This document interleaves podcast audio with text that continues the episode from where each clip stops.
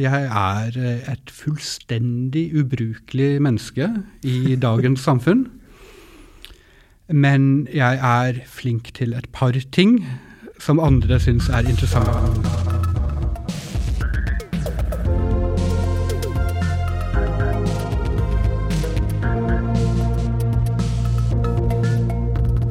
Dette er Skapelsesberetninger, en podkast for Bergen offentlige bibliotek. Mitt navn er Eivind Riise Hauge, og med meg har jeg Håvard Legrind. Sammen lager vi denne podkasten som omhandler kreativitet og kreative menneskers virke.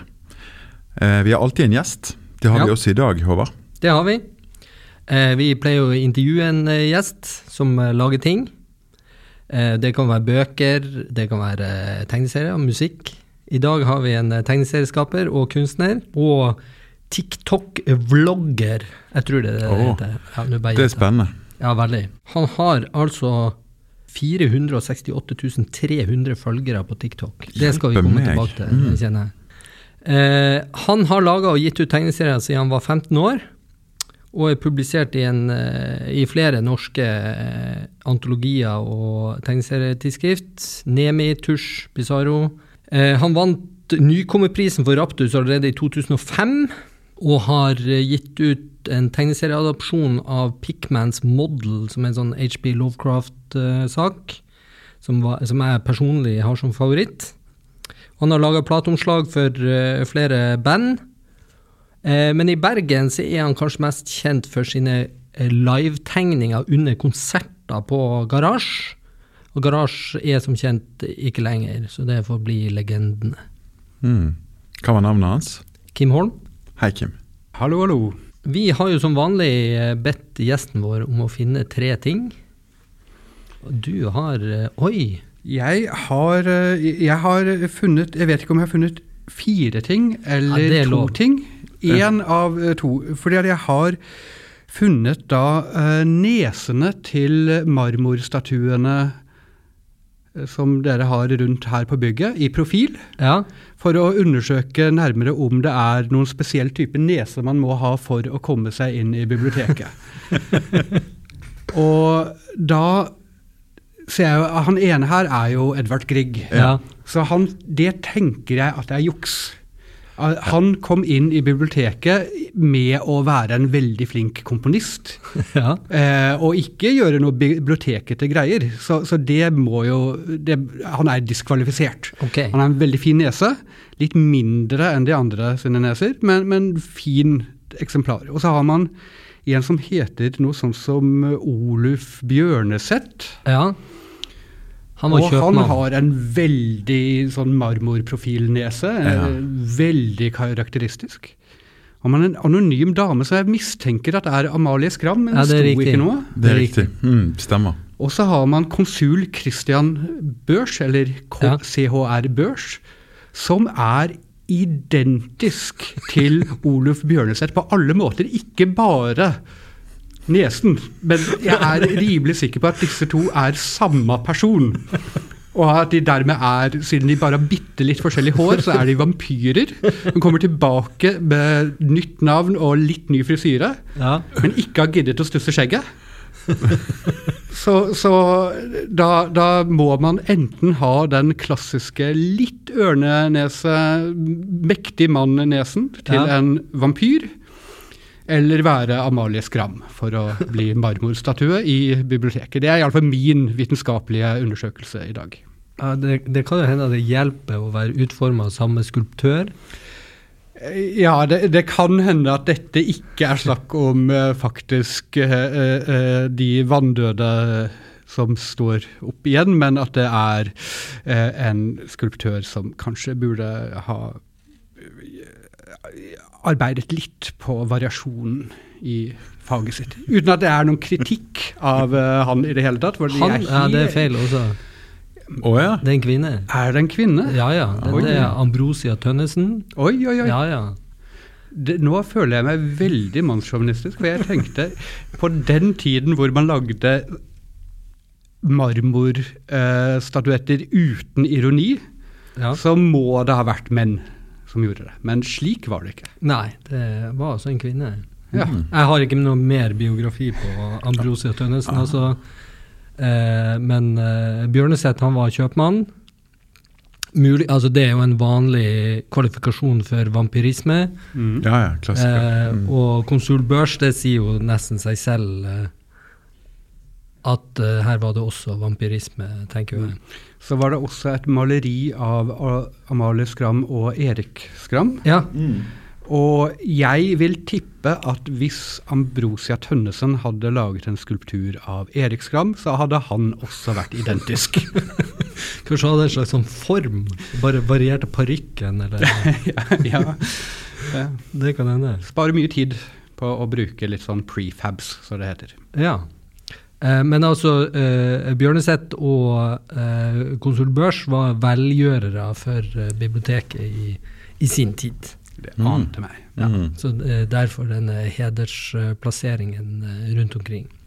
Tror du at du får en sånn byste, Håvard? Jeg har jo malt meg sjøl på en vegg. Ja.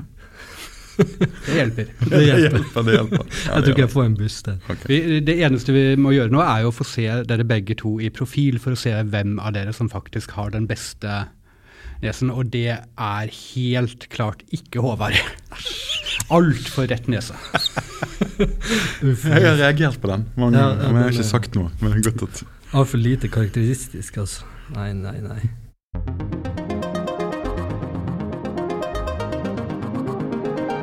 Ok, Kim. Eh, du sa så vidt i eh, eh, Før vi begynte opptaket at du har eh, Du har slutta å følge med på tegneserier. Hva er dette for noe? Jeg var tegneserieskaper i et uh, tidligere liv, får man si.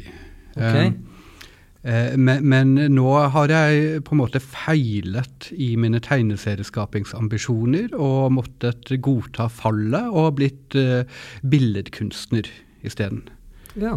Uh, og, og det er rett og slett fordi at uh, tegneserier er veldig vanskelige. Spesielt hvis man har en litt uh, skakkete syke.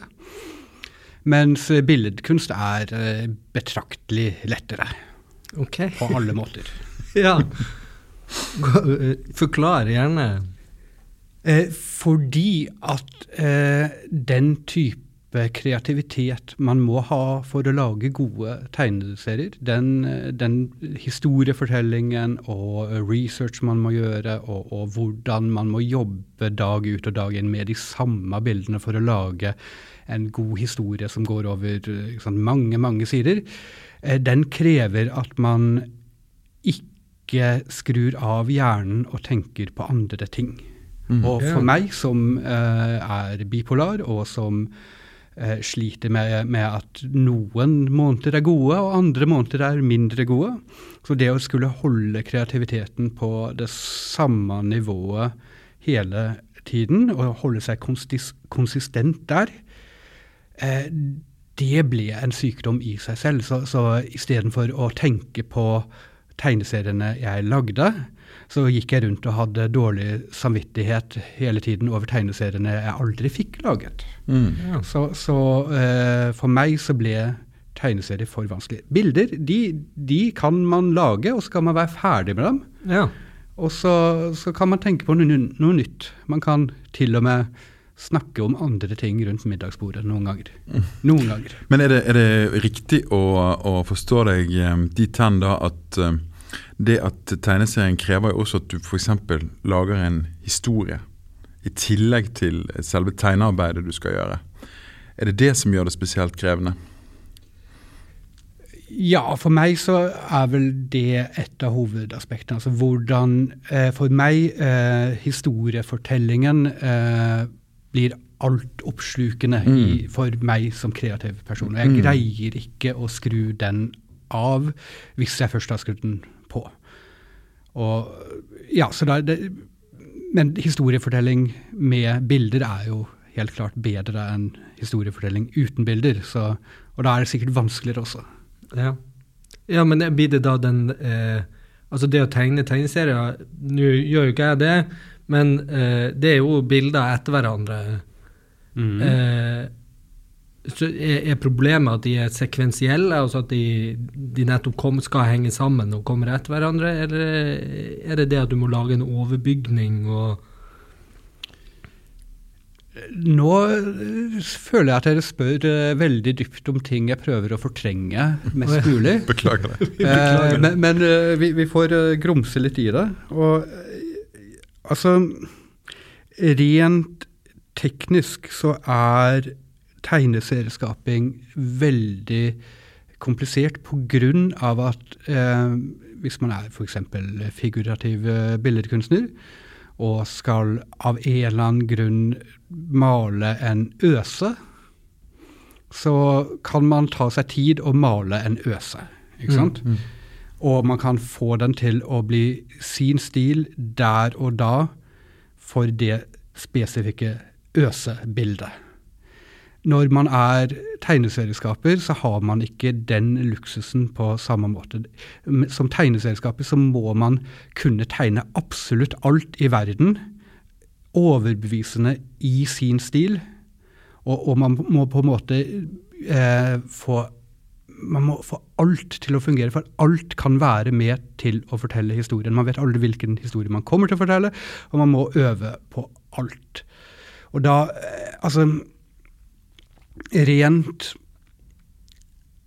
teknisk å, å forenkle hele verden man går rundt og ser på, ned til hvordan ville jeg representert dette i min stil, det, det er også ganske mye Høres så fryktelig ut. Høres- Det er helt forferdelig. Jeg skjønner ikke at uh, Ikke bare at folk er tegneserietegnere, men at de ikke får betalt mer. Ja, det er jo også Ja. en sak, ja. Ja, det er nå, uh, ikke for å peke med en mer i tegneserier, men nå uh, har jo jeg lest lønnsstatistikken, noe så kjedelig som det, til Grafill. Og der la jeg merke til at tegneserieskapere kom jo helt klart dårligst ut. Ja, og de bruker helt klart lengst tid per enhet de får betalt for også. Ja. Altså, ingen jobber mer for mindre lønn i Kunst-Norge enn serieskapere. Ja. Det er jo katastrofalt. Det Helt katastrofalt. Og nå har de jo altså mista en av sine beste sønner. Ja, det det ble for mye. Det, Ja. Så all heder og ære til de som er i det ennå. Stå på, stå på. Stå på. Dere får ikke lønn. Dere får deres lønn i himmelen. Ja, da har jeg tenkt å si det samme. Eh, men hvordan går det med kunsten, da? Det går eh, ganske bra. Altså, når man eh, faller ned fra serietegningspidestallen og blir billedkunstner, så har man jo et nytt problem, nemlig at nå kan man gjøre hva man vil. Ja. Og, og, og eh, man trenger ikke å defineres lenger av å måtte kunne tegne den samme tingen om og om igjen. Eh, og det har jo vært en eh, kontinuerlig reise for å finne ut hva er det jeg vil med bildene mine. Hvordan, eh, hvordan får jeg bildene mine til å snakke til folk på den måten som tegneseriene noen gang gjorde. Eh, og da, da har jeg jo kommet fram til mer og mer at uh, selv om jeg har gått vekk fra tegneserier pga. Uh, historiefortellingen, så, så er jo historiefortelling noe jeg ikke kan leve uten, men, men uh, kanskje i mer ordnede former. Så det, det jeg, Jeg prøver å finne en måte å fortelle historier med enkeltbilder eller billedserier nå. Ja. Og jeg syns det går ganske bra. ja. Hva, eh, hva gjør du mest av slags teknikk? eh? Eh, nå, det jeg gjør eh, mest av nå for tiden, er at jeg eh, maler blekkmonstre med pensel og blekk, og filmer det, og legger det ut på TikTok sammen med alle dansevideoene der. Ja. Jeg har ikke så mange dansevideoer, jeg har noen, men de har ikke gått helt virale ennå, får man si. Mens, mens eh, monstervideoene, hvor jeg kan da enten sette monstertegningene mine til uh, musikk, eller fortelle en liten historie om mytologi, eller om uh, syke, eller om uh, egentlig hva jeg vil, men fortelle en ettminuttshistorie til tegningen, det, det virker som å være en veldig god kombinasjon som folk, som folk kikker litt på. Og ja. Så det er blekktegninger med historie er vel det jeg gjør mest av. Ja. Eh, Nå har jo jeg kikka litt på TikTok er jo litt sånn fremmed eh, medium for min del. Men eh, jeg har dere ikke eh, funnet bibliotek-TikTok? Nei. Bibliotek-tok? Bibliotok? Bibliotek, Ja. kanskje? Det fins. Ja, det vil jeg tro. Eh, Men kanskje du kan gi oss en sånn kort innføring i hva er dette for noe? Eh, TikTok er eh, kanskje en av de forferdeligste av sosiale medier for tiden. Det begynte som en mime-app. Det er en kinesisk app, og den begynte med at man kunne mime til låter. Og så utviklet det seg til at man eh, gjorde TikTok-danser, og det ble en stor greie. Og så har folk begynt å bruke det på litt interessante måter, fordi at man har en tidsbegrensning på eh, helst 15 sekunder, men så har de utvidet det til ett minutt. Og nå har noen til og med fått lov til å lage tre minutters videoer. Og veldig mange som har rare liv, har greid å da bruke TikTok til å gi små vinduer inn i livet sitt gjennom disse ettminuttsvideoene. Og altså, sosiale medier har jo en sånn algoritme bak seg som gjør at du skal uh, bli mest mulig avhengig av uh, å, å se på andre sine ting.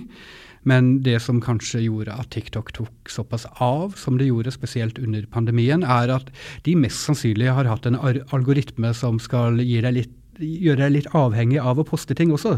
Så, så en ganske lang stund så var det ganske lett å at en av videoene dine plutselig tok av uten at du helt visste hvordan.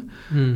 Og at man begynte å jage eh, etter Å, kanskje jeg kan lage én til video som tar av, og kanskje jeg kan lage én til video som tar av. Og da, eh, da var det nok veldig mange skapere som ble litt avhengig av å poste ting på TikTok. Og så fant man vel til slutt ut at man har en haug med følgere der, men at det egentlig ikke betyr så veldig mye, med mindre man greier å gjøre noe som faktisk snakker til de som er oppri oppriktig interessert. Men var du med fra begynnelsen da, Kim? Nei, jeg ble anbefalt å prøve ut eh, TikTok av eh, Tarjei Heggernes, som er eh, økonomiprofessor på BI. Jeg tenkte prøv dette, Kim, sa han. Og da tenkte jeg det skal jeg prøve. Eh, og så Det var vel eh, rundt starten av eh, pandemien i fjor. Mm. Og så tok det vel bare noen uker før jeg skjønte det at hvis jeg lager videoer av de blekkmonstrene jeg allerede lagde, så kom det til å ha et potensial. Mm. Og så tok det noen måneder med å leke med det, før jeg plutselig fikk min første video som var sett av 100 000, og så ble jeg hektet Ja. eh, da. Og så fikk jeg min første som ble sett av én million og to millioner og ja. Og så plutselig så har jeg da på papiret 450 000 som følger meg der, men 468 300. Oi, eh, og, og begynner å merke at det betyr ikke nødvendigvis så mye som man tror. Mm. Men er det, en, er, det en, eh, er det en inntektskilde også i eh, TikTok-videoene? Eh, TikTok har en slik eh, greie som heter TikTok Creator Fund, som nok er eh, mest for eh, de største av de største til å få en inntekt der, og veldig mange får inntekt gjennom sponsede videoer.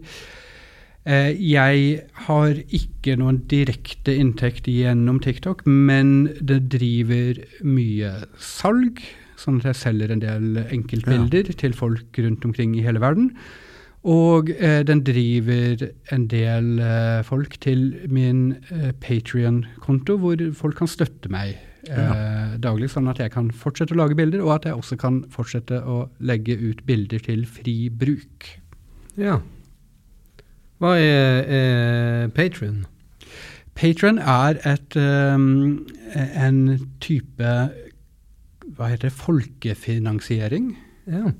crowdfunding, som det heter på, Mm. på godt norsk. Eh, hvor man da kan istedenfor å støtte et prosjekt én gang, sånn som på Kickstarter og lignende Mm. eh, folkefinansiering, så kan man støtte skapere eh, enten månedlig eller eh, eh, hver gang de gir ut, ut et visst type produkt. Og for meg så kan man støtte meg da månedlig, Ja. sånn at jeg får litt ekstra der. Eh, men hva gjør du der? Eh, eh, til mine patrons så, så får de tilgang til eh, litt bilder som jeg ikke har gitt ut ennå. De får litt sånn bakom scenene-info, de får litt videoer fra meg en gang iblant. Og, og, og de får eh, oppleve hvor godt det føles å hjelpe en stakkars skjeggete kunstner i Norge. Men dette har du drevet med mye lenger enn TikTok. Ja, men, men- jeg har definitivt merket en forskjell etter jeg begynte å snakke om Patrion-kontoen min på TikTok. Ok, Så det er litt sånn drive hverandre, eller? Ja, det er jo en av de trikketingene med sosiale medier eh, for tiden, er, er at man alle i verden prøver å finne ut eh, hvordan man kan få den ene sosiale mediet til å drive det andre til å drive det tredje, og, og på en eller annen måte så skal dette drives tilbake til deg, og ikke bare være gratis reklame for store korporasjoner som TikTok eller Facebook. Ja, for det er jo et visst problem at du blir eh, contentet for plattformen. Vi, eh, vi er alle content i eh, det nye millennium. Ja, Ja, eh, det, det er et problem. Det er et uh, stort problem. Og uh, så lenge man aksepterer at uh, korporasjoner eier programvare, eier apper, sånn som altså enten det er Facebook eller Microsoft eller det, og at apper ikke er åpne og open source, så kommer man til å gjøre gratisarbeid for korporasjonene. Eh, Og det er ikke noen stor forskjell på da om man eh, reklamerer for eh, Kinas eh, TikTok, eller om, med, med gjennom å lage videoer der, eller om man gjør som den norske stat og gir Microsoft Windows til alle skolebarn, slik at man får de inn i den eh, businessmodellen fra, de, fra før de kan lese. mm. Fra før de kan lese de utrolig lange user eh, license agreement-tingene.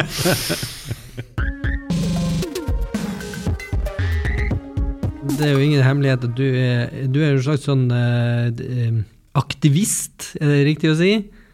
I forhold til copyright?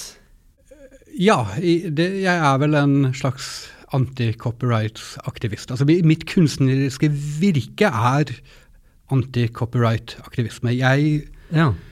mener at eh, kunst og kultur er eh, skal være fritt. Ikke det at man ikke skal få betalt, jeg vil veldig gjerne få betalt, men, men jeg mener også da at kopiretten ikke hjelper kunstnere spesielt mye med å få betalt heller.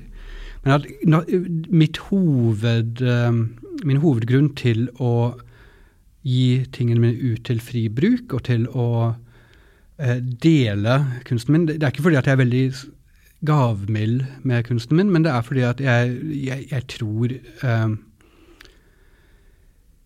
Jeg tror at kunst for å kunne utvikle seg, for å kunne være det beste den kan være for alle, så må den være fri. Man, historier er ikke noe man kan eie. Eh, det, det er et kommunalt gode, på en måte. I- Kommunalt, det ble feil. Det ble feil. Communal, er det det? Communal. Ja. Her har jeg vært for mye på amerikansk TikTok. Ja. Et fellesgode. gode. Et fellesgode. Vi vil gjerne Eh, ha sant. kommunale goder. Ja. Altså. Eh, og og eh, at når man prøver å sette eierskap eh, på kunst utover det at altså jeg har skapt det, så da skal jeg gjerne ha navnet mitt på det. det Mm. Men når man prøver å sette eierskap på det, så, så dreper man effektivt kunsten. Og det kan man se på hva som skjedde når man fikk eh, de moderne opphavsrettslovene, eh, og all folkekunst strøk med. Rett og slett. Altså, etter man har eh, Altså eh, man, har folke, man hadde folkeeventyr, Ja. og man hadde folkemusikk, og dette var aktive, levende kunstformer. Mm. Og så fikk man opphavsrettslovene, og så plutselig ble folkeeventyrene museumskunst. Altså de ble fanget i bøker, og de, man sluttet å fortelle det. Og nå på grunn av at man eier historien man lager nå, så er det umulig å lage et nytt folkeeventyr. Fordi at den som hører eventyret du forteller, kan ikke være sikker på at den har lov til å fortelle det videre. ja. Så, så, eh, så fra første stund man har hatt kopirettslovene, så har de effektivt sett drept kunst. Og nå som man har kopirettslover, som er da 70 år etter eh, eh, opphavsmannen er død, noe som eh, ingen kan helt forklare logisk hvorfor det skal være slik, så betyr det også at man eh, dreper da Igjen på godt norsk the public domain.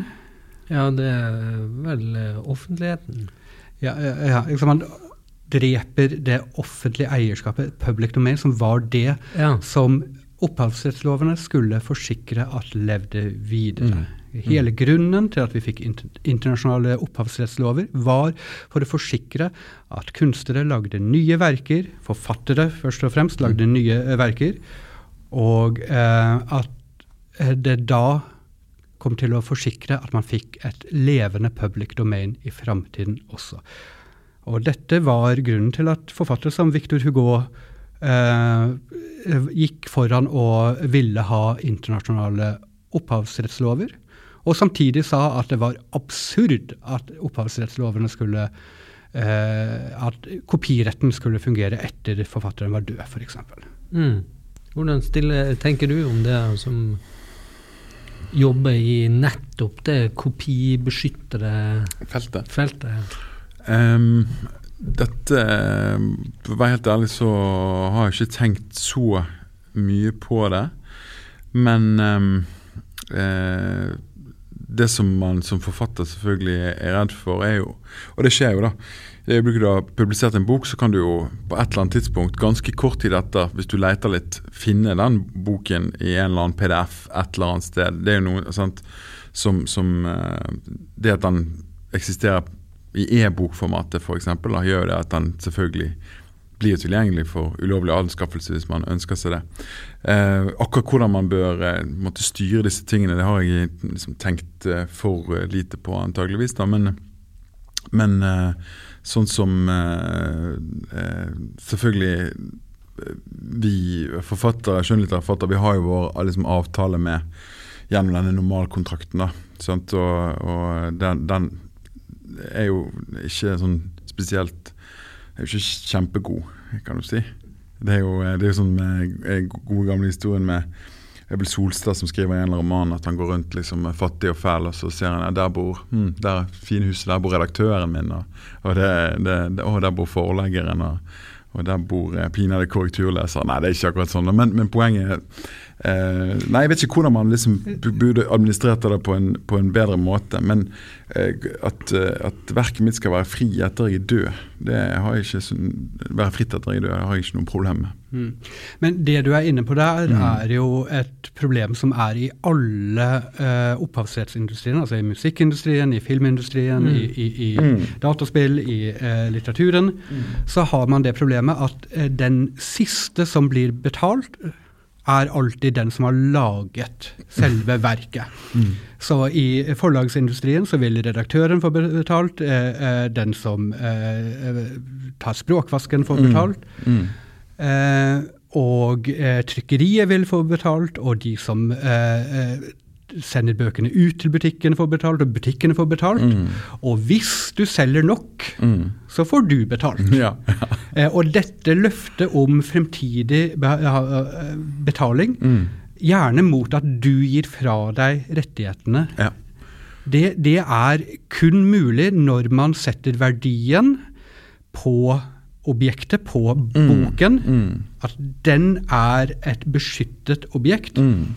Og ikke på forfatteren, Mm. som faktisk er den som eh, kan lage et, en til sånn bok. Mm. Ikke sant? Man tar verdi vekk fra skaperen og setter det på skaperverket på en måte som ikke er nødvendigvis veldig heldig for skaperne. Mm. Og man kan jo se på øh, I musikkindustrien så kan man jo se på at noen har blitt veldig, veldig heldige. Og hvis man er Beyoncé, så trener man veldig godt på kopiretten. Mens de aller fleste eh, som noensinne be, eh, begir seg inn i musikkindustrien, de vil eh, ende opp med å selge rettighetene til musikken sin Mm. til noen som ikke er interessert i musikken i det hele tatt, eh, men, men bare vil ha den og beholde den i tilfelle det blir stort en eller annen gang. Og sitte igjen med enten ingen eh, betaling for det, eller noen ganger gjeld fordi at det kostet for mye å spille inn platen. Og eh, altså, i hele, hele, prosess, hele denne prosessen så får alle andre enn den som skaper, Mm. betalt. Mm. Og dette er, eh, dette er ikke bare sånn eh, en tilfeldighet. Dette er, en, eh, mm, dette er et resultat av hvordan lovene er bygget opp for å beskytte produktet som et selskap kan eie, Mm. og ikke skaperen, som er litt vanskeligere Mm. for selskapet å eie. Akkurat. Jeg må- jo understreke også at jeg tror jo forfatterstanden er Sammenlignet med andre kunstnergrupper ganske privilegert, så vidt jeg har liksom forstått det. da. Det er noe liksom så, Sammenlignet f.eks. med musikere, sånn som har jo eh, Etter eh, strømmingen sånn, så har jeg måttet finne liksom helt nye måter å, å tjene til livets opphold på. Ja. Men, eh, men eh, nå husker jo ikke jeg heller innholdet i normalkontrakten jeg signerer. Sant? Det er litt som den der, det litt sånn den license agreementen som man aldri egentlig leser. Eh, men eh, du overgir jo på en måte rettighetene til, til forlaget. sant? Det er jo liksom det som ligger i, i, eh, i kontrakten. Og enn om man ikke overgir eh, rettighetene til forlaget, så er eh, det å gi rettighetene vekk er gulroten Mm. som de kan vifte foran deg og si at ja, vi kan dessverre ikke betale deg for denne boken du har skrevet, men hvis du hadde gitt oss rettigheter, da skulle vi sikkert betalt. Nettopp. ikke sant? Den dyster uh, visjonen. Og, og altså, på et eller annet uh, nivå så er det jo Dette er jo snakk om kunst, og, og, og på et eller annet nivå så kan man si at å, ja, men kunst er ikke så viktig. Men dette er jo ikke bare snakk om kunst. For at kunstnere og forfattere og, og andre kreative blir alltid dyttet foran når man skal eh, få strengere opphavsrettslover. Mm. Eh, Ja, det det er sant. Mm. Vi- Vi blir alltid puttet i, i frontlinjen for at dette skal beskytte kunsten. Mm. Men altså, når, når allerede kopiretten er 70 år etter vi er døde, så det hjelper jo ikke også veldig mye. Mm. Og når det kommer de nye, rette, eh, eh, de nye lovene om internett og om forhåndsscreening av ting man laster opp, Mm. og eh, altså hver gang eh, eh, kopirettslovene blir innskrenket og blir utvidet, mener jeg, Mm. så er det andre som tjener veldig mye mer på dette enn kunstnere. Mm. Og noen av de eh, er f.eks. de som har eh, i USA mer og mer gått til angrep på bibliotekene og prøver å få avtaler om at man skal, eh, bibliotekene må betale leie for eh, utlån av bøker. Det har de ikke greid ennå, men på sykehusbiblioteker så har de eh, greid det med at da eh, sykehusbibliotekene må betale for utlån av en del medisinske, journal, eh, medisinske magasiner med den nyeste eh, inform eh, kirurgiske informasjonen, medisinske informasjonen, slik at hvis sykehuset ikke har penger nok til å betale for utlån av eh, disse magasinene, Mm. så vil sykehuset gi dårligere behandling til sine pasienter. Slik at de lovene som vi som kunstnere fronter at de er for å beskytte oss, Mm.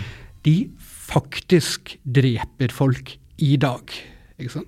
Og, og eh, man kan se på det samme med, med utdanning i tredje verden, hvor tredje verdensland har ikke lov til å bruke, til å laste ned eh, gode skole, skolebøker, men må ta det de kan få tak i av kjipe, dårlige, Utdaterte. utdaterte Mm.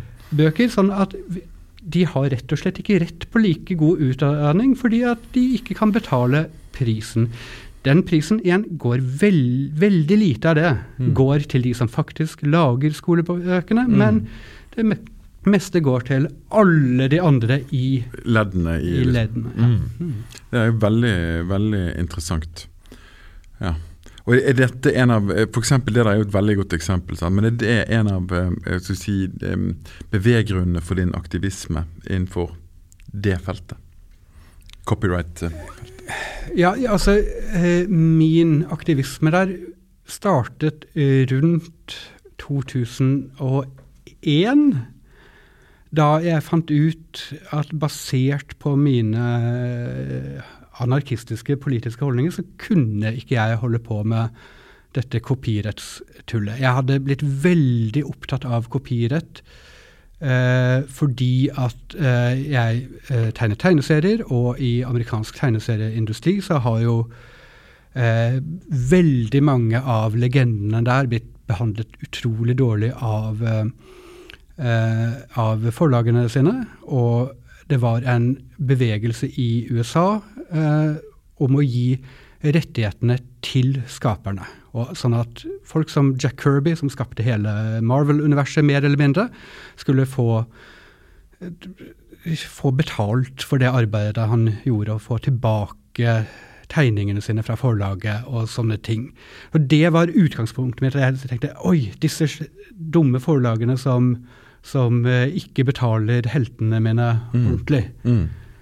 Og så begynte jeg å lese mer og mer om det, og så plutselig begynte jeg å forstå at dette tjener jo ingen. Mm. Iallfall ingen som jeg bryr meg om. Jeg Mm. bryr meg ikke veldig mye om forlagene, men jeg bryr meg veldig mye om de, vi som skaper. Ikke sant? Mm. Og eh, da siden 2001 så har jeg da prøvd å finne ut hvordan kan jeg gi ut kunsten min til fri bruk. Mm.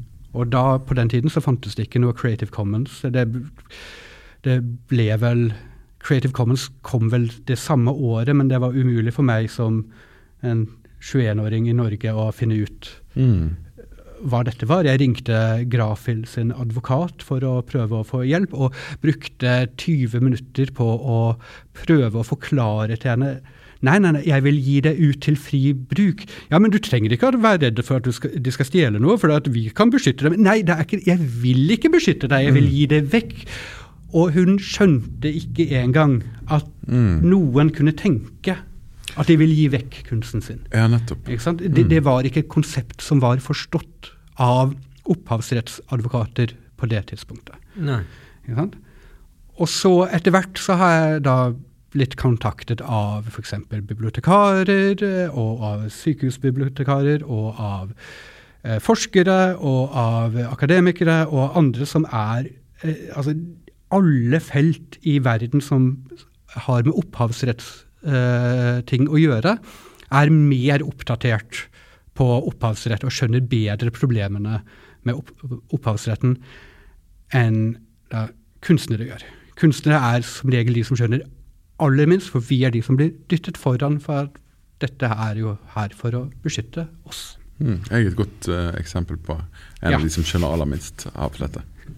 Men, men de fleste kunstnere er gode eksempler på folk som aldri har stilt veldig dype spørsmål med f.eks. at de selv som oftest har eh, anskaffet seg kunst og litteratur og ting man liker, på, ved piratkopiering på et eller annet tidspunkt i livet. Men at man vil hindre andre fra å gjøre det samme når man selv blir forfatter. Det er vel en kjent ting. Mm.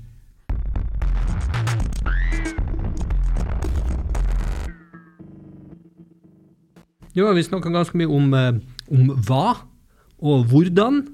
Altså hva lager du? Og Hvordan eh, lager du? Altså hvis vi tar inn det med eh, både TikTok og opphavsbeskyttelse og sånn. Eh, Men da er jo det, eh, det mest sentrale spørsmålet, kanskje rent kreativt, er jo hvorfor. Der kom stillheten. eh, hvorfor skape? Fordi at jeg ikke kan noe annet. Ja. Det, det er vel et veldig vanlig svar, men det er også en ganske vanlig tilstand å være i. At jeg er et fullstendig ubrukelig menneske i dagens samfunn.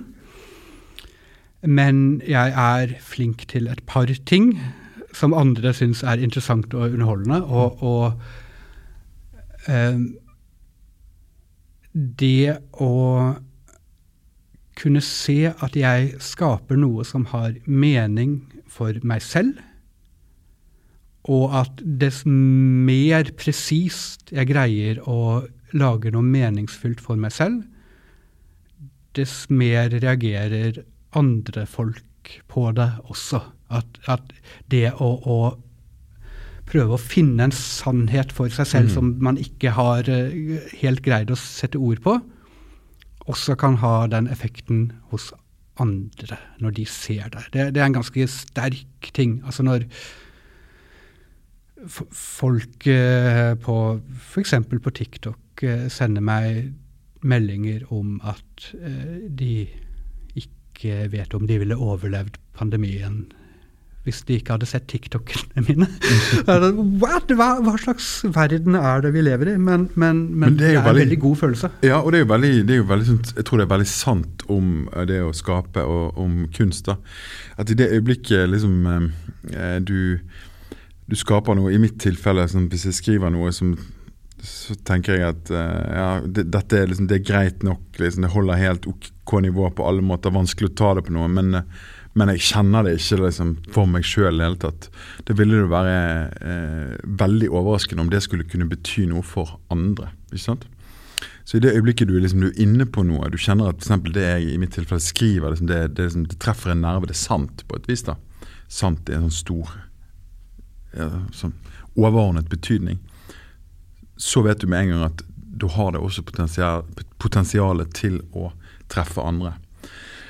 Eh, og det, Når man jobber med et eller annet, så kjenner man det. Man kjenner når man er nære noe, når man er i berøring med noe. Sant? Og Som er allment kanskje på et eller annet nivå. Selv om det ikke betyr det samme for alle. Så, eh, så kan man umiddelbart kjenne det i det øyeblikket du, du, du skaper noe som, som er ja, i berøring med, la oss kalle det sannheten. da. Men vil dere si at dere skaper ting for, eh, for dere sjøl, eller for andre? Jeg tenker aldri på andre hvis liksom sånn, nå skal jeg skrive noe for andre. Jeg må bare skrive det som kommer, eller det som er naturlig for meg. Og, og hvis det er godt nok, så kan det tenkes å ha en betydning for andre. Slik er det i hvert fall, tenker jeg omkring det.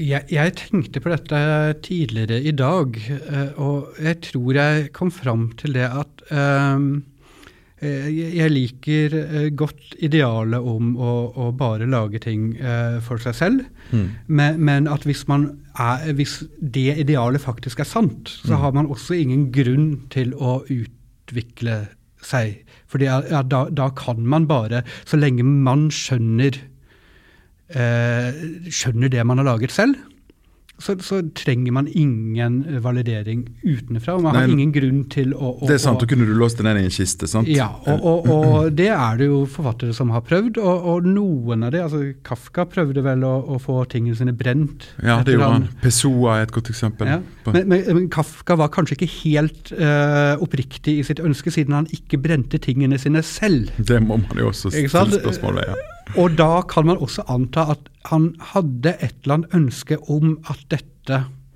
skulle eh, nå fram til andre. At Ja. noen andre skulle kunne lese det og si 'jeg forstår dette'. Ja, for han, mente, han mente at det ikke var godt nok. sant? Ja. Det var ikke godt nok, Men det kan jo være kokettering, selvfølgelig. Men, men, men altså, alle Ja. gode øh, kunstnere mener vel at tingene ikke er gode nok. For man kan alltid gjøre noe bedre. Ja, selvfølgelig. det er veldig viktig at det ikke er godt nok. Og, og, og måten det ikke er godt nok, er ikke fordi at det ikke er sant for en selv, Mm. men fordi at man er redd for at det ikke kommer til å formidle din sannhet til andre på Mm. en god uh, nok måte. Så altså en, en viss um, man trenger ikke nødvendigvis å være hyperkommersiell, men en, eh, en viten en, ja, en viten om at dette må treffe andre også for å gi mening. Det tror jeg er eh, godt å ha. Ja, og jeg er enig i det. Men det, det jeg mener er rett og slett bare at hvis jeg setter meg ned og skriver noe, så tenker jeg ikke på mottaker i det øyeblikket jeg, jeg skriver det. Eh, Det begynner jeg i så fall å tenke på når det begynner å nærme seg eh, være noe som er ferdig. Um, Så om det liksom skulle slumpe til å treffe andre, så, er, så er det, jo- det er jo, vil jo det være fantastisk, selvfølgelig. Men, jeg, men jeg, jeg, jeg tenker minst mulig på sånne ting i den det kreative prosessen, da, der det blir skapt. Ja, for, for, for hvis man tenker for mye på at dette må treffe andre, så er det jo som å oppdikte en eller annen imaginær person som kan stå over skulderen din og bare bevokte deg mens du lager ting. Og, og alle vet at man gjør sitt beste arbeid når man er nærmt bevoktet av en ubehagelig person som puster deg i nakken. Nei, noen bruker, hvis forfatter bruker sånn 10-15 sånne testlesere som leser hele tiden underveis i prosessen osv. Men det ville jo være for min del liksom helt utenkelig. Eh, jeg, jeg viser ikke det til noen før jeg mener det begynner å Eller før jeg føler jeg er kommet så langt at jeg trenger hjelp til å fullføre, f.eks. Ja. Det er jo to ulike liksom, eh, idealer. På den ene, ene sida så har du jo da en slags sånn kommersiell eh, kreativ da, som skaper ting på oppdrag.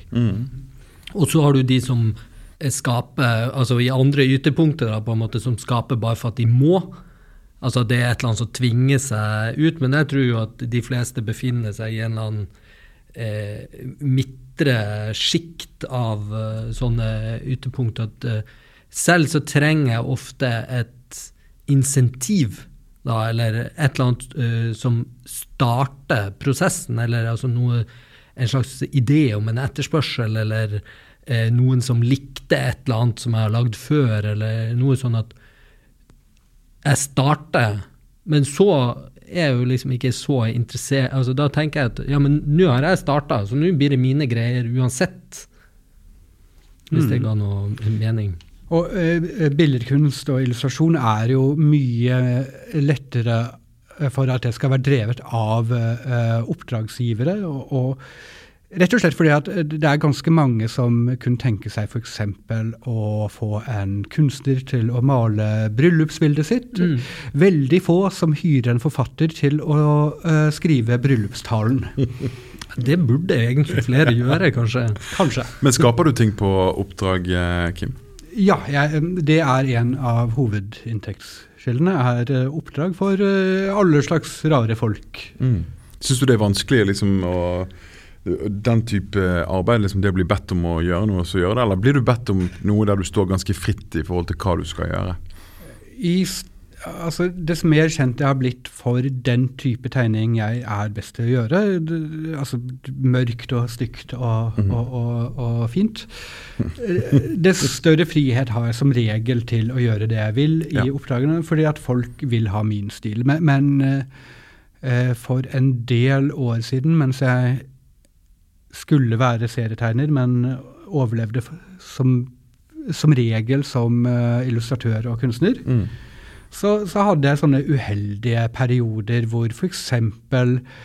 Eh, jeg tegnet vel halve Høyre-byrådet i Bergen i diverse eh, eh, bryllupsgaver og bursdagsgaver og andre sånne trivelige Å, hadde det ikke vært kjekt med en karikatur av denne personen? Eh, det var ikke noe ille om det, det men, men det var ikke veldig givende å, å eh, skulle finne en ny, trivelig måte å tegne en Høyre-politiker på.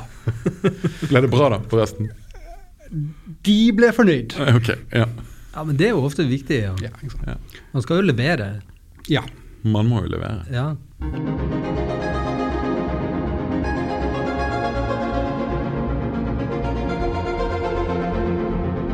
Du var inne på eh, eh, det mørke og fine eh, her eh, så vidt. Du har jo en veldig eh, tydelig visuell eh, look, eller hva man skal si, eller en hang til ting som er svart.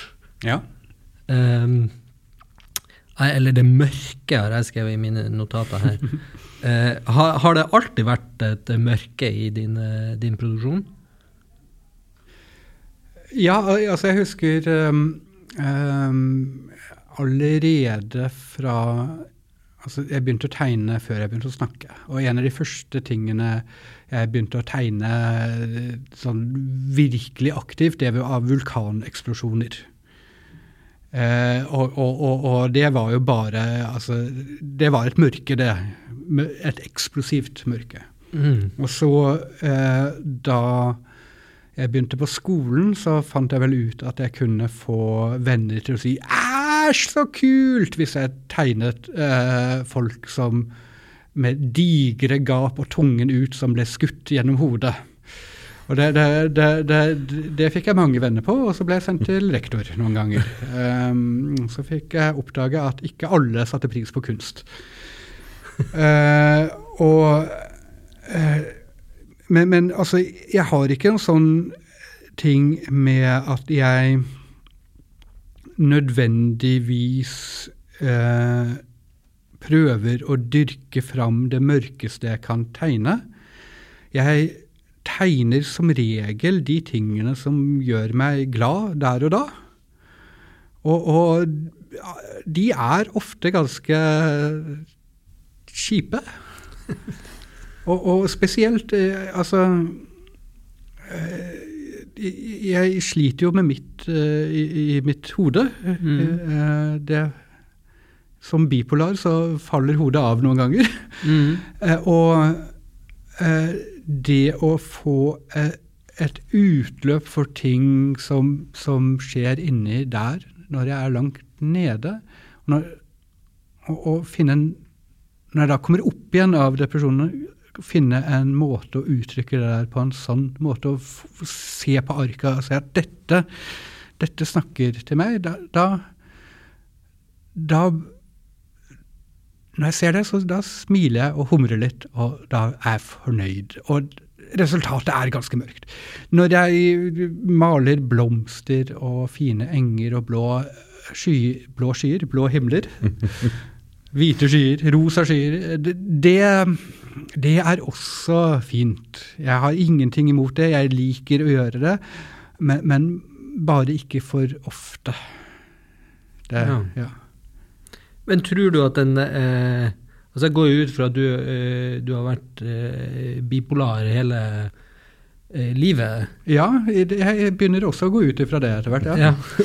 Eh, eh, og det er, jo, det er jo mange som er Eller det er jo en vanlig slags sånn måte å forstå kreativitet på, at det, det, det og nevroser, da, eller en slags sånn ubalanserthet, henger sammen. Ja.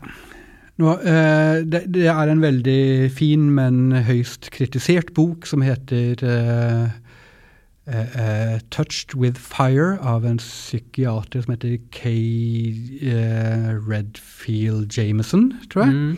Som da handler om linken mellom spesifikt bipolar lidelse og kreativitet. Og, og jeg syns hun gjør et veldig eh, godt eh, argument for, for, å vise at eh, ikke bare er det noe i de bipolare syklusene så, som, som, tydeligvis er nyttig for kreativitet.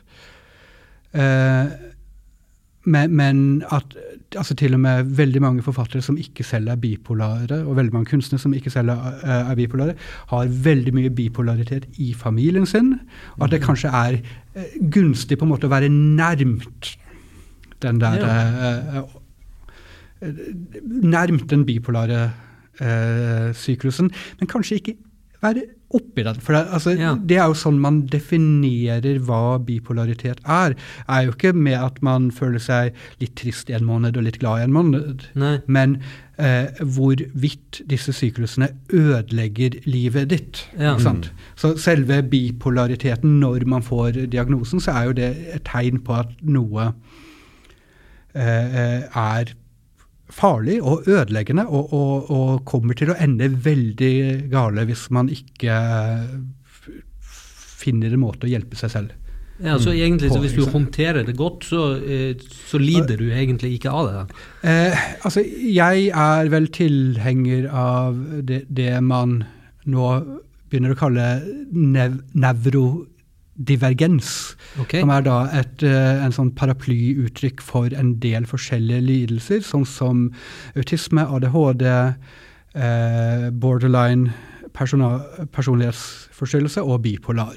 Mm. Og, og, det som på en måte den teorien eller den, eh, Jeg vet ikke om det er en teori eller om det bare er en innstilling. Det, det sier, er jo at dette er eh, mer enn at det er sykdommer, så er dette andre måter for hjerner å fungere som krasjer med hvordan vi har bygget opp samfunnet vårt, mm. og dermed skaper sykdommer i eh, de som har disse eh, rytmene, disse måtene, dette, dette verdenssyn, denne opplevelsen. Ja. Og jeg kjenner det veldig igjen ut ifra at måten jeg fungerte på før jeg fikk um, regelmessige depresjoner, eh, var i ganske stor konflikt med, med skole, med, med ja.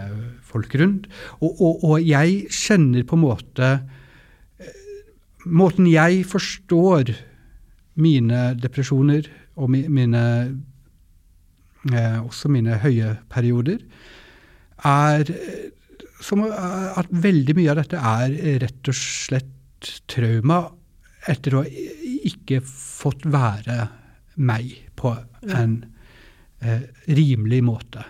Og, og vi, vi, har jo f.eks. et skolesystem som fungerer helt greit for de mest middelmådige. Og det er på en måte ambisjonsnivået til skolesystemet. Mm.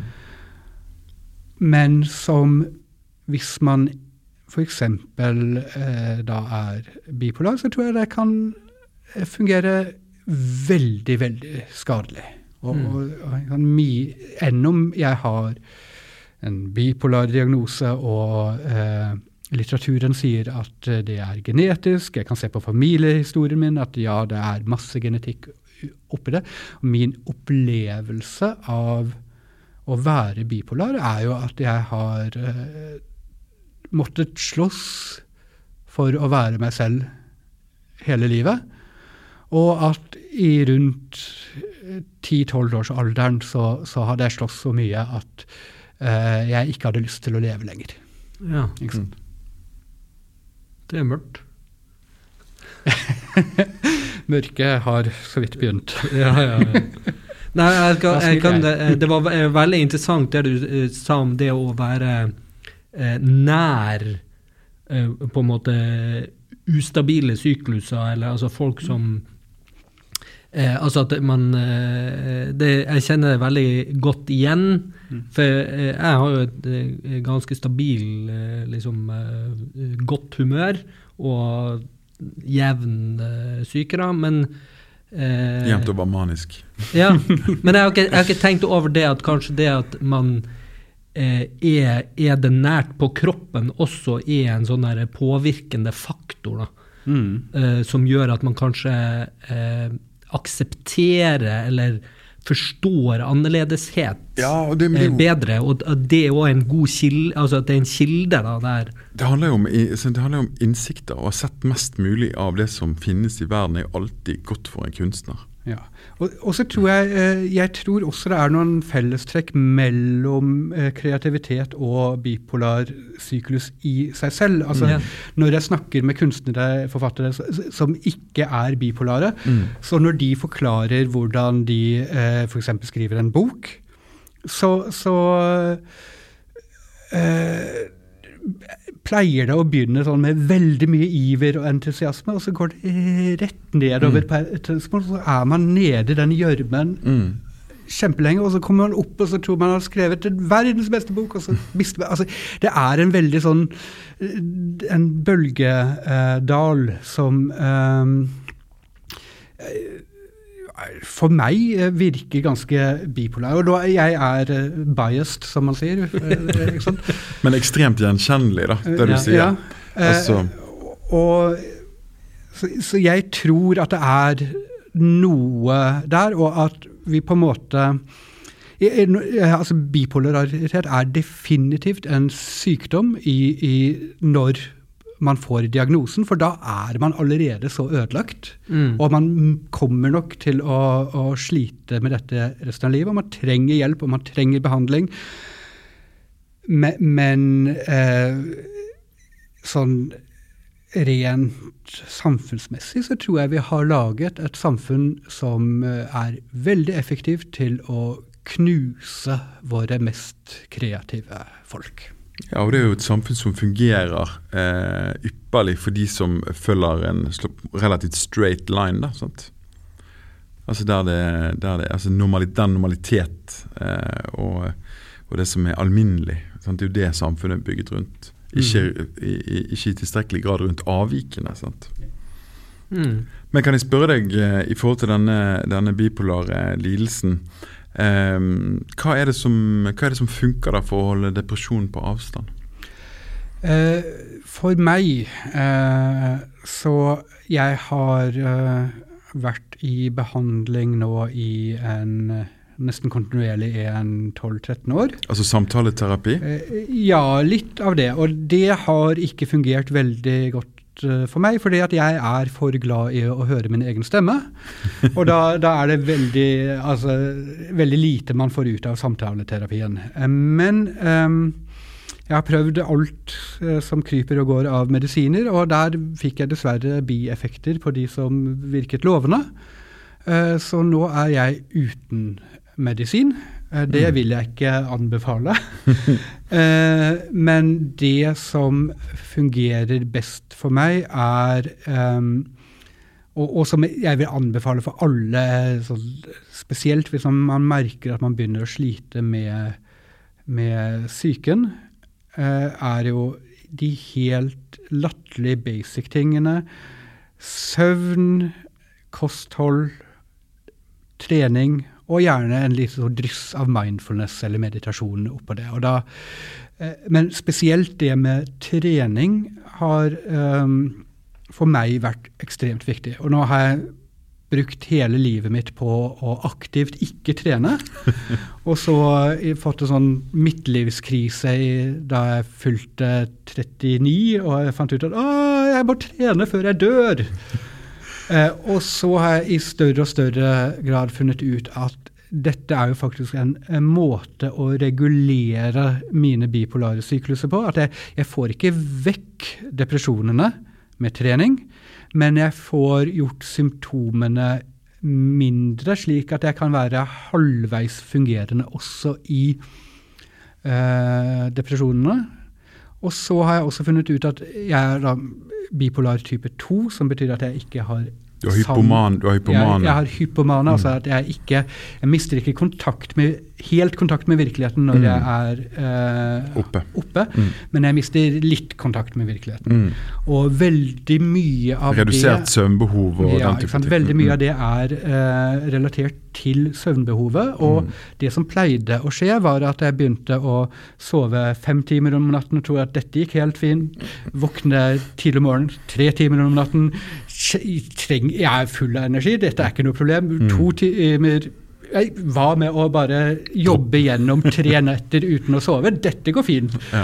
Og det pleide å være mine hypomane perioder. Men nå har jeg funnet ut at hvis jeg um, eh, Når jeg merker at søvnbehovet går ned, Mm. trapper opp treningen og gjør lengre og hardere sessions, Mm.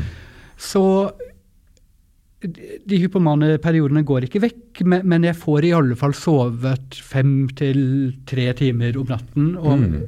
to uker hvor man sover tre timer her og der, Det går det er, det går mye bedre enn en uke hvor man ikke sover. Ja, for jeg kan forestille meg hvis en uke, Etter uken man ikke sover, hvis man er oppe, da, så går man jo fort på en kjempesmell når man går inn for landing der.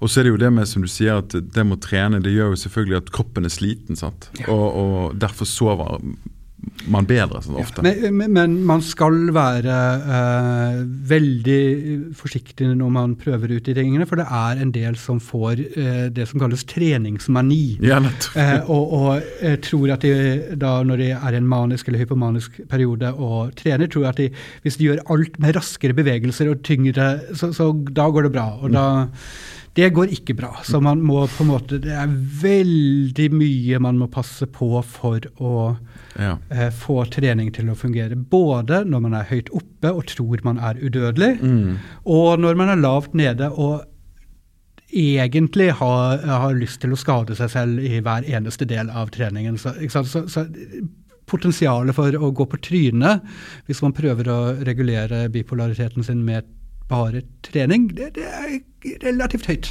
Jeg må, jeg må også spørre deg om eh, hvilke treningsformer du vil anbefale la oss si våre manisk-depressive lyttere. Eh, jeg, eh, jeg er veldig glad i å løpe i eh, fjell. Mm. Eh, det er noe jeg får veldig mye ut av. Eh, eh, ba, isbading og kalddusj, eh, det har dokumentert veldig god effekt mot eh, symptomene på depresjon. Så god effekt at de på, på sinnssykehus på 40-50-tallet prøvde å og tidligere prøvde å dusje ele eh, elevene, holdt jeg på å si, pasientene sine eh, under tvang i kaldt vann. Det Ja. viste seg å ikke være så effektivt, fordi at eh, Det var det var tvang. Eh, men men det, det har dokumentert effekt på symptomene til depresjon. Og så er det det siste er eh, eh, styrketrening, altså da eh, helst tyngre eh, styrketrening. Eh, da de store bevegelser som eh, markløft og knebøy og eh, vektløfting, hvor man bruker hele kroppen, det er også eh, en del undersøkelser viser at det slipper løs de stoffene som best også motvirker depresjonen. Mm. Eh, og selvfølgelig, når man er dum nok til å ikke trene hele livet og begynne i en alder av uh, 39, så, så er det ikke all verden man kan markløfte uten å knekke i to. Så Det virker veldig fort. ja. Jeg Håvard her har jo akkurat eh, begynt å trene eh, markløft. Ja, ja, nei, altså, jeg, må, jeg må si I hear you, uh, Kim. jeg har jo brukt store deler av livet mitt på aktivt ikke eh, trene. Mm. Uh, og jeg syns jo lenge altså Jeg begynte med litt pilates og, og sånn. Og så syns jeg lenge at det, det ødela kreativiteten min, for jeg var så kjørt. Mm. Uh, men så var det akkurat som etter en stund så kom det et sånn vippepunkt. Sikkert fordi at styrken var, var økt, og jeg tålte på en måte det. Så nå fungerer det motsatt. Altså for meg å være ganske utkjørt eh, fysisk er veldig forløsende på idéskaping. Og, Ja, og sånn da bare tid. Altså. renner det ut. Så at jeg vet gjerne at etter ei hard økt, så kan jeg bare sitte og, og slappe litt av, så bare detter det ut eh, nye og spennende ting. Men, men uansett, altså, hvis man merker at eh, humøret er litt Det er ikke sånn som det pleier å være, og, og man frykter at kanskje man er eh, deprimert, da må man alltid gå til legen for å, å, å få bekreftet Dette kan være mange ting. Det kan være eh, stoffskifte, det kan være eh, at man mangler vitaminer. Det, være, det er utallige ting som kan virke som depresjon. Men en veldig sikker ting er å begynne å trene. For det at det kommer ikke til å kurere deg, mest sannsynlig, hvis du faktisk har depresjon eller er bipolar. Da kommer det ikke til å kurere deg. Men hvis du får en god lege eller en god psykiater, så kommer én av de tingene de eh, vil si til deg, er ja, men hva med å begynne å trene? Fordi at det har dokumentert effekt. Det, det, det, det er noe vi, det, er veldig rart, men etter da, alle disse år på jorden, så har jeg endelig oppdaget at hodet sitter fast på kroppen. Og at de kanskje er en del av samme organisme. Etter all sannsynlighet så er det. Vi begynner å nærme oss uh, slutten. Eh, jeg tenkte jeg skulle spørre om det som jeg eh, originalt hadde planlagt som åpningsspørsmålet.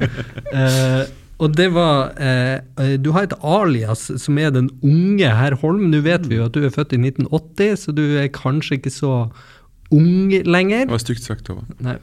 Eh, ja, det, altså, da jeg skulle bli selvstendig næringsdrivende i, på begynnelsen av 2000-tallet, så hvis man skal bli et enmannsforetak, så må man ha etternavnet sitt med i foretaksnavnet.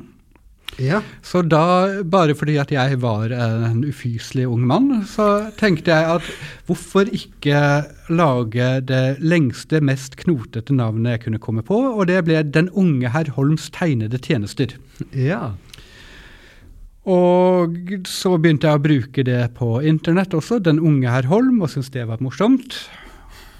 Og så nå er det mer eller mindre bare et eksperiment for å se hvordan Nå vet jeg hvordan det føles å kalle seg selv den unge herr Holm når man er 40. Men hvordan kommer det til å føles når jeg er 50? Hvordan når jeg er 60? E- På, edle, på et eller annet tidspunkt så må det bare flippe og, og slutte å være flaut, og bare bli genialt å være den unge 90-åringen. Ja, ja. Ja, så, så den unge herr Holm bare 120. ja. Det gleder jeg meg til. Nydelig. Eh, Eivind, har du noe mer du ønsker å komme inn på? Eh, nei, men jeg syns det er et godt, eh, godt navn. Du skal beholde det til du er 120, det syns jeg. Minst. Minst, ja. Ja, jeg sitter jo med Det var veldig interessant du sa, for det er jo helt riktig det med enkeltmannsforetak. Så mitt firma er jo Legreids leketøys. Det- det- Jeg får veldig mange spennende oppringninger fra ulike andre bedrifter som ønsker å selge meg leketøy som jeg skal selge videre. Høres ut som eh, kondomeri eller noe sånt. Ja. Det ville jeg tenkt. Men uh, nå må jeg bare se hvor lenge jeg kan eh, leve med denne, dette bedriftsnavnet. Er det noe du har lyst til å tilføye, Kim? Det er det sikkert, men jeg greier ikke å komme på hva det måtte være. Nei. Nei. Følg meg på TikTok, Ja! og, og ikke minst eh, støtt meg på Patrion. Og det er den unge herr Holm. Jeg er den unge herr Holm alle steder utenom på Patrion, hvor jeg bare er Kim Holm. Det er jo greit. Markedsstrategi. Dette kan vi. Ja. Tusen takk, Kim. Ja, tusen det har vært takk. veldig kjekt. Supert. Tusen takk.